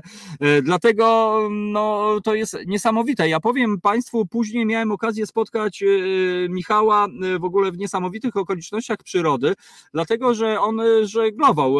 Kiedyś, kiedy ja nadawałem audycję z pokładu jachtu dla Radia Koncao, swojego radia, e, program na żywo, kiedy na jeziorze Nickim e, nie było absolutnie nikogo, bo to był poza sezon, no i nagle na horyzoncie e, postać surfera się pojawiła. I wyobraźcie sobie, był to Michał Fogiel po prostu. A żeby było jasno, to nie jest żaden mój ziom, znajomy, kolega i tak dalej. Nie. Ja miałem okazję go spotkać tak samo jak wy właśnie e, w ramach e, dobrej e, pory. E, Asiator e, pisze, mi w tej historii najbardziej podobał się fakt, że e, oni, a, e, ani on, ani jego dziewczyna nie umieli jeździć konno. No właśnie, po prostu to jest cenna, Asia, uwaga, dokładnie tak. No to tylko oddaje e, no, charakter e, tego przedsięwzięcia. No, z jednej strony można powiedzieć, że jest to krańcowa nieodpowiedzialność, no, a z drugiej strony można powiedzieć, że to jest e, determinacja, z trzeciej strony można powiedzieć, że to jest tak zwane podejście, czyli attitude, proszę Państwa. Natomiast tak czy inaczej, e, no, Michał udowodnił, że wszystko jest możliwe, żeby przeżyć, no, no on utrzymuje, że to no, była to była podróż, no, z mojego punktu widzenia bym dodał, no pewnie podróż życia. No ale, ale często jest tak właśnie, że podróżujemy albo chcemy podróżować. I ja pamiętam e, też pytanie, które zadałem e, Michałowi, co jest największym problemem, żeby zrobić właśnie taki ruch. Z jednej strony brawurowy, no ale myślę, że chyba większość osób, która słuchała tej historii, no myślę, że gdzieś tam po cichu zazdrościła tego wszystkiego, tych przygód, tego klimatu, no tego czegoś, no po prostu kosmicznego chyba. E, I e, Michał powiedział, że no cóż, nasza głowa jest największym problemem w tym wszystkim, czyli to, co mówią sportowcy, to, co mówią e, niesamowici ludzie, którzy zawsze mówią, że ciało, wiadomo, można wyćwiczyć, ale głowa to jest największy nasz e, przeciwnik. Jeżeli e, sobie tam poukładamy to wszystko, nagle się okaże, że nie ma rzeczy niemożliwych e, po prostu.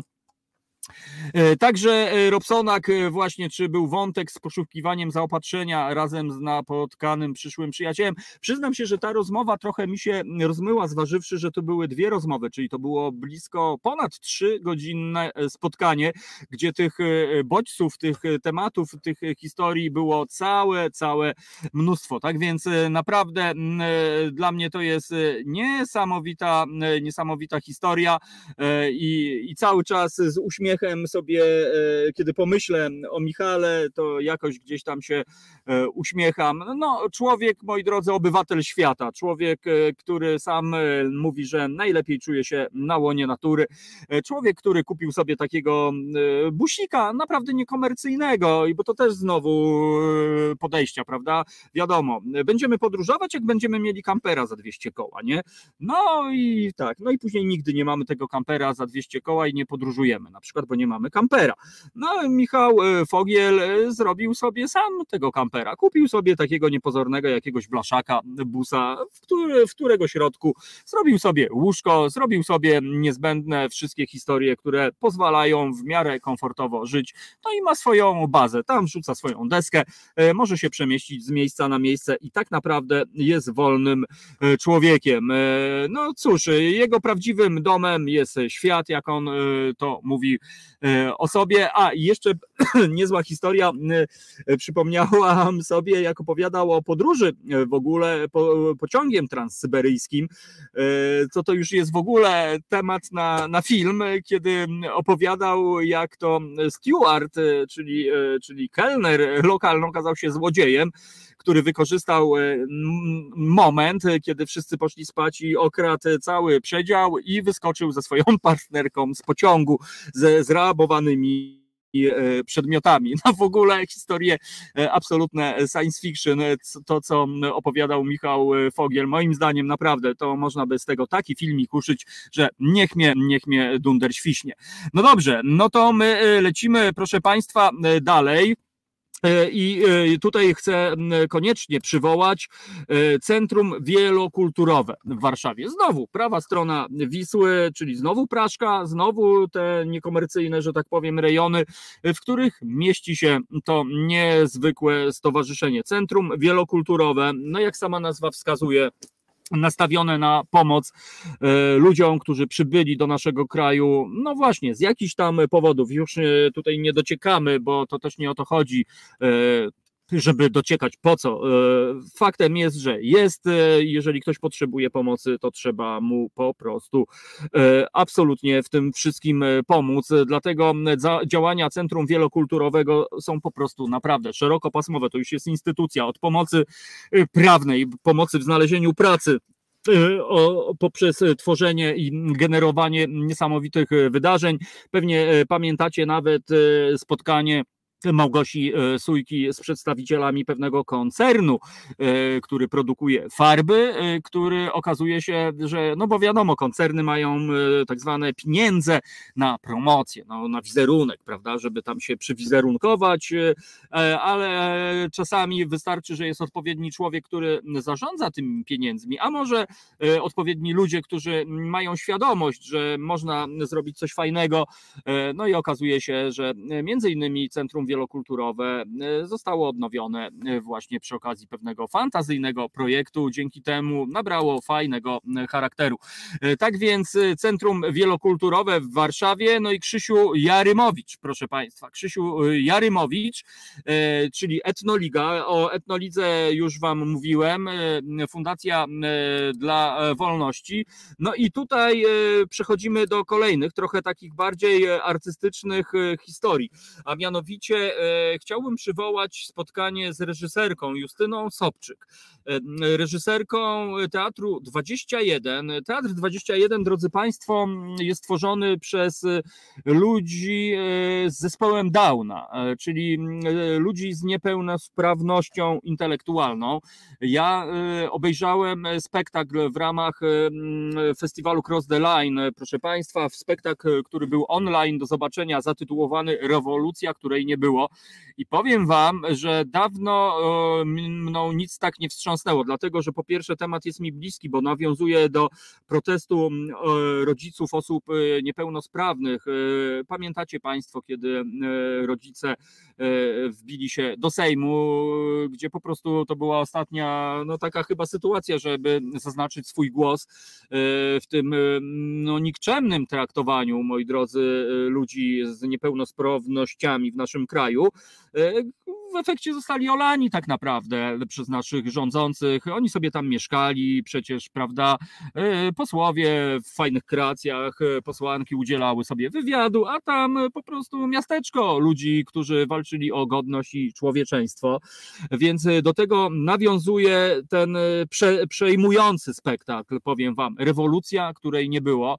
No powiem wam, że po zakończeniu tego to ja sobie tak posiedziałem w ciszy. Z jednej strony kurczę, złość cholerna po prostu, z drugiej strony smutek i przykrość.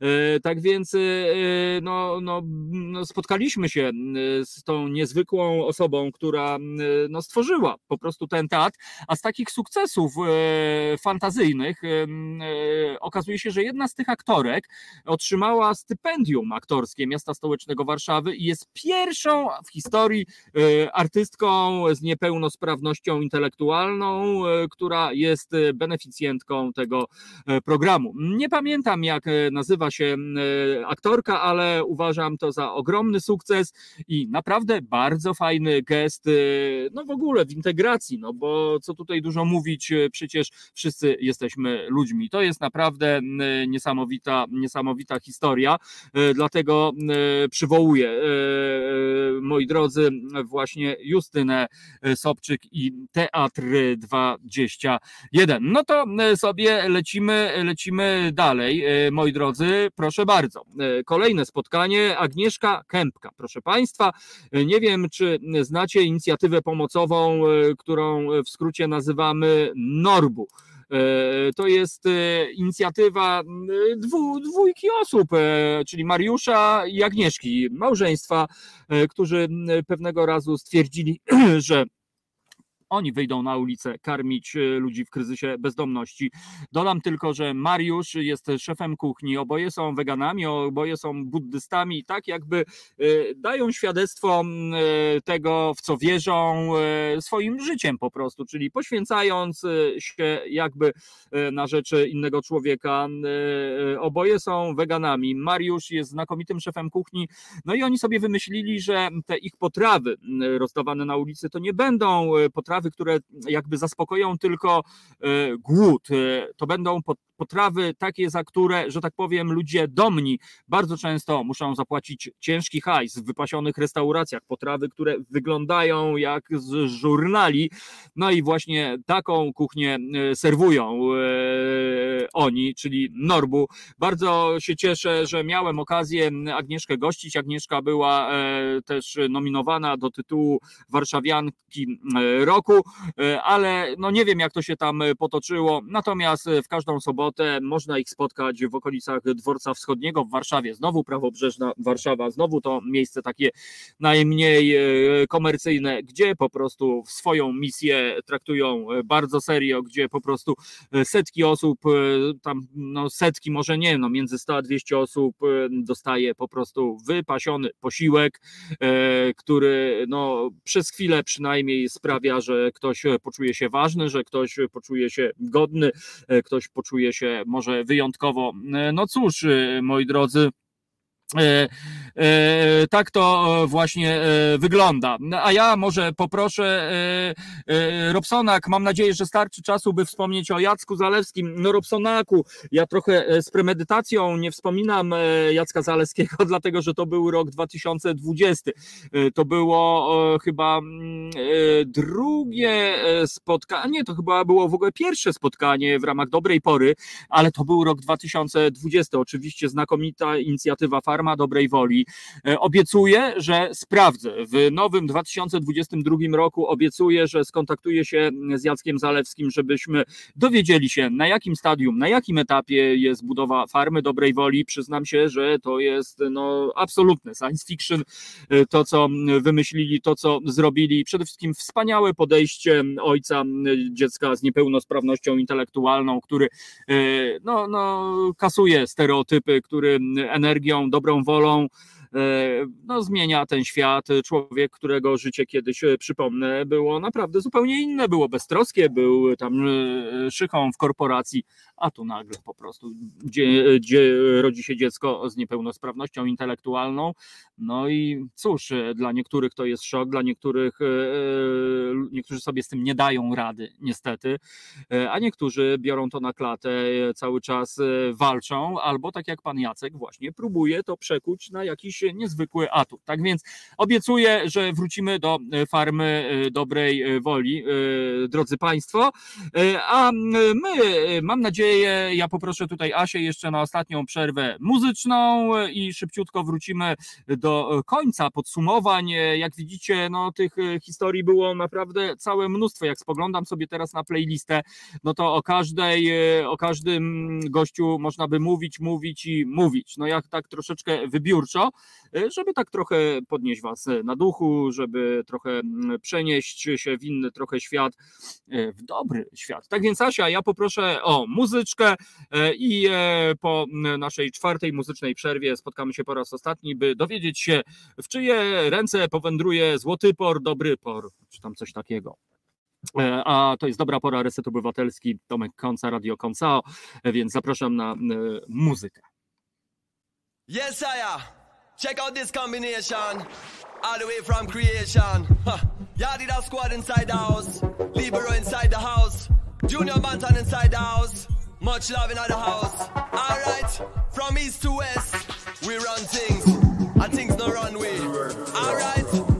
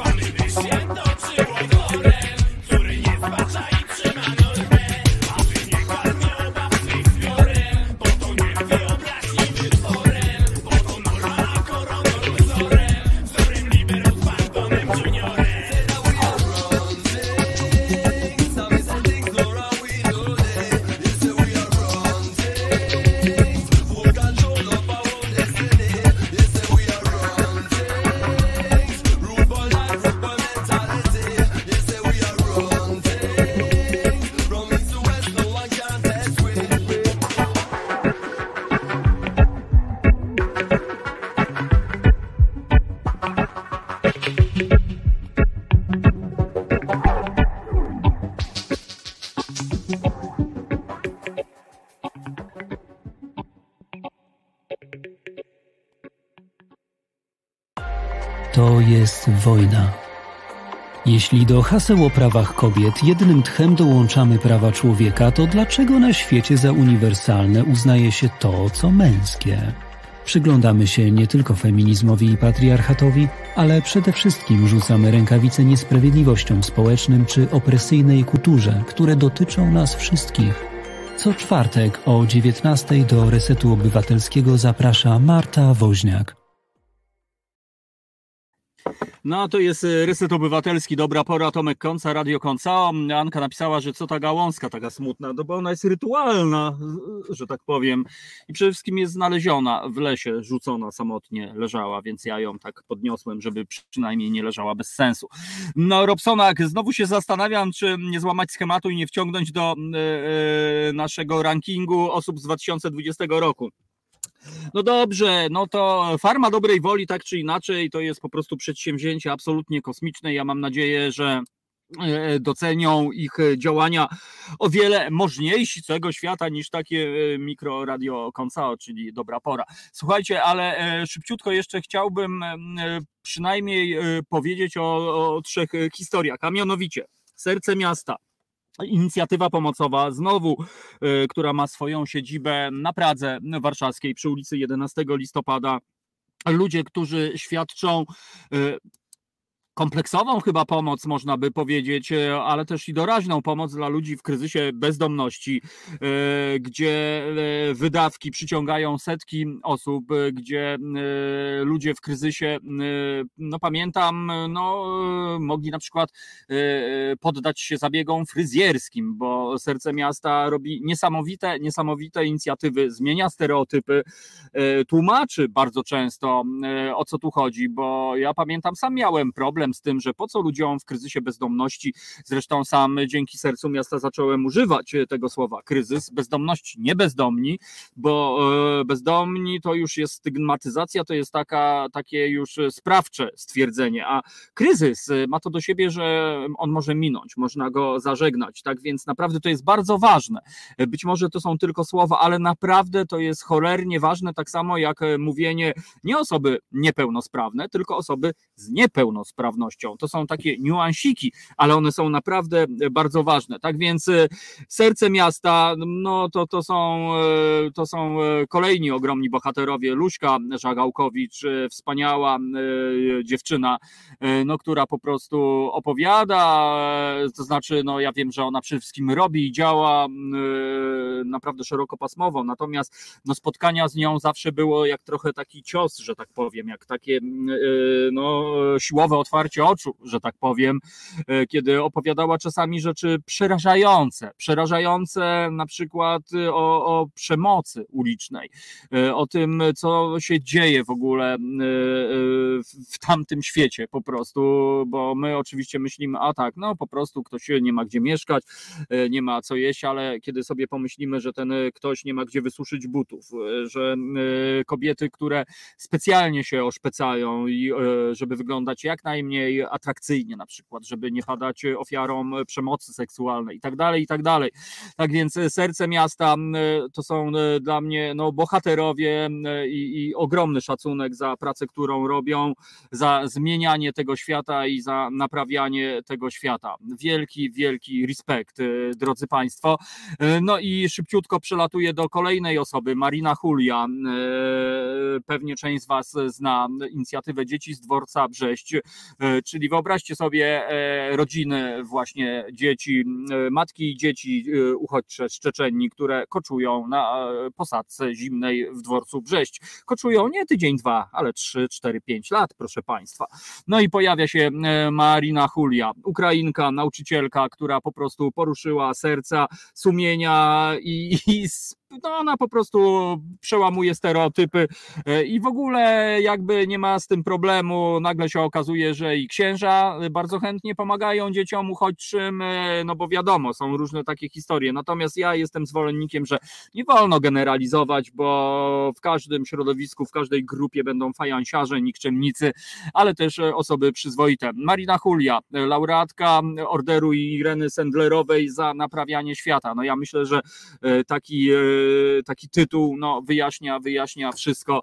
Dlatego serdecznie pozdrawiam e, Marinę, e, z którą żeśmy sobie e, rozmawiali parę razy, która naprawdę, no ja, ja wiem jak to działa, bo sam byłem świadkiem, kiedy po spotkaniu z Mariną nagle słuchacze naszego tutaj radia końca od razu tutaj paczka ze słodyczami.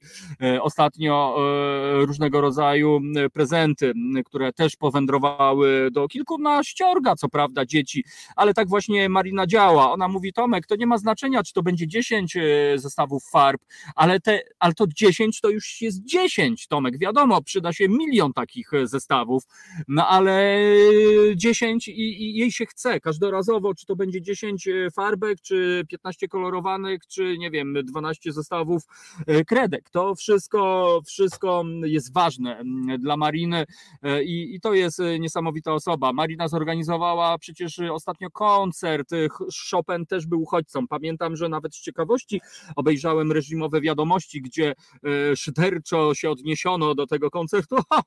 koncert Chopin też był uchodźcą, gdzie raptem 500 osób było na tym koncercie po prostu. No ale cóż, e, Marina się nie przejmuje i robi swoją e, robotę po prostu i, i każdorazowo, zresztą dobrze o tym wiecie, że jeżeli będzie jakakolwiek potrzeba, to Marina ją wyartykułuje i ja wierzę w Was, drodzy słuchacze, że nie pozostaniecie obojętni. No i przechodzimy, proszę Państwa, nie chcę być nieuprzejmy, do e, e, laureata. Mojego laureata, e, który łączy wszystko to, co najbliższe jest chyba dobrej porze, czyli budowaniu postawy obywatelskiej, naprawianiu świata, wspieraniu osób w kryzysie, wspieraniu osób wykluczonych, budowaniu kultury, fair play i po prostu udowadniania, że nie ma rzeczy niemożliwych, proszę Państwa, to jest ten moment, za chwilę niektórzy będą wiedzieli. AKS.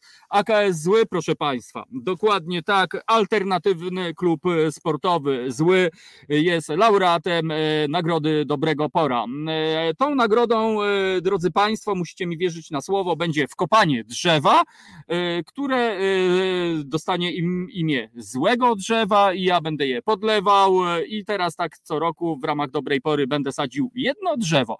Po prostu taka właśnie nagroda. Dlaczego? Dlaczego AKS zły, proszę Państwa? A mianowicie dlatego, że e, to jest niezwykła inicjatywa, szerokopasmowa inicjatywa. E, inicjatywa, która mogłaby być wzorcem dla na przykład państwa. Gdyby e, w sensie nie dla was, tylko dla, gdyby, nie wiem, miało powstać jakieś teoretyczne nowe państwo po prostu, takie państwo wzorcowe, to powiem wam przykład AKS złego mógłby e, być właśnie wzorem dla budowy czegoś e, takiego. Ja oczywiście kibicowałem od samego początku tej inicjatywie, dlatego że widziałem tam dużo znajomych osób, które znałem, których reputacja jakby wskazywała na to, że przedsięwzięcie jest naprawdę e, grube, e, proszę Państwa. No ale oczywiście musiałem przekonać się na własne oczy, więc e, któregoś razu wybrałem się na mecz, żeby zobaczyć, czy jak to naprawdę działa, czy to jest prawda to, co się mówi. Nie muszę być nie, tutaj tego, że e, już kiedy kupiłem bilet i wszedłem na stadion, e, tutaj byłem, miałem przyjemność być na meczu w ramach e, Phoenix Trophy. To jest taka liga takich drużyn właśnie demokratycznych, proszę Państwa. Mecz, który odbywał się z angielską drużyną FC United of Manchester.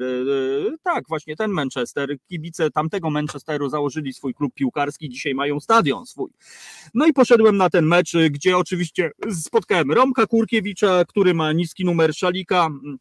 No i dzięki temu e, stanąłem w samym kotle. No i powiem Wam, jeżeli e, ktoś chce zmienić podejście do świata albo e, myślenie o, o świecie, bo się wydaje, że, że, że tu już nie ma nadziei, należy iść na mecz AKS złego, proszę Państwa. Nagle mamy inny świat, świat, gdzie e, lata dzieciarnia, gdzie ludzie z niepełnosprawnościami czują się jak u siebie, gdzie ludzie w kryzysie bezdomności mogą wbić na mecz, bo wiedzą, że zostaną wpuszczeni i dostaną ciepły posiłek.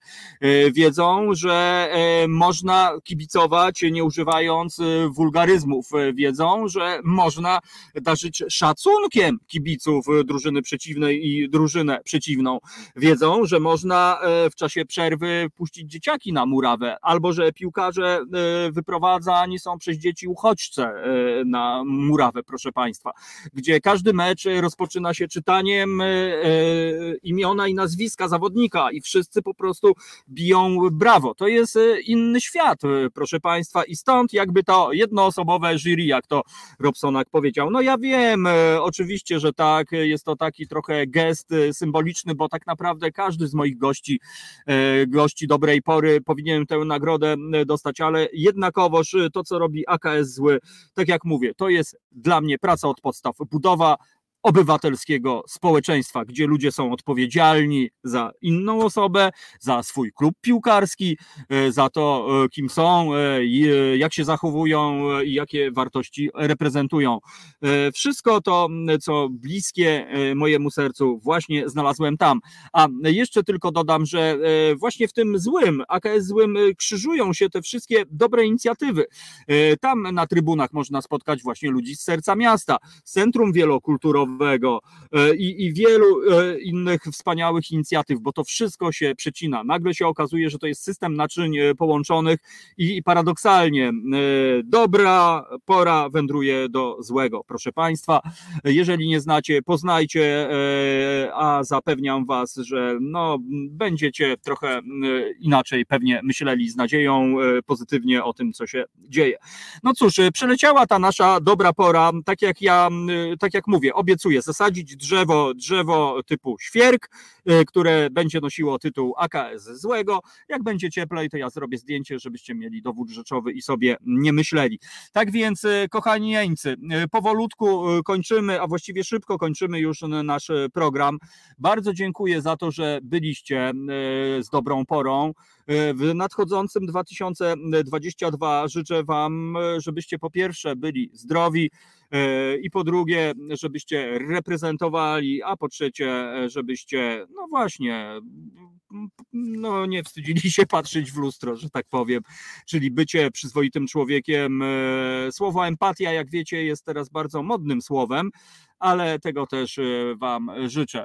Tak więc, e, moi drodzy, to już koniec, czy jeszcze nie? Tomek Tomczak, wspaniała, e, błyskotliwa uwaga. No jeszcze pomęczę Cię, drogi Tomku Tomczaku, po prostu to nie jest koniec. Tak więc jeszcze sobie pomówię dwie i pół minuty. Moi drodzy, do zobaczenia za tydzień.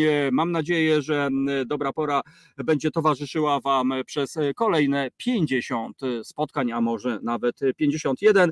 Pamiętajmy, w Sylwestra nie strzelamy, bo odchodzi się od y, fajerwerków na rzecz y, spokojnej celebracji albo świeceniem y, laserkiem po elewacji budynków albo lasów. Tak więc raz jeszcze dobra pora, drodzy Państwo, AKS zły.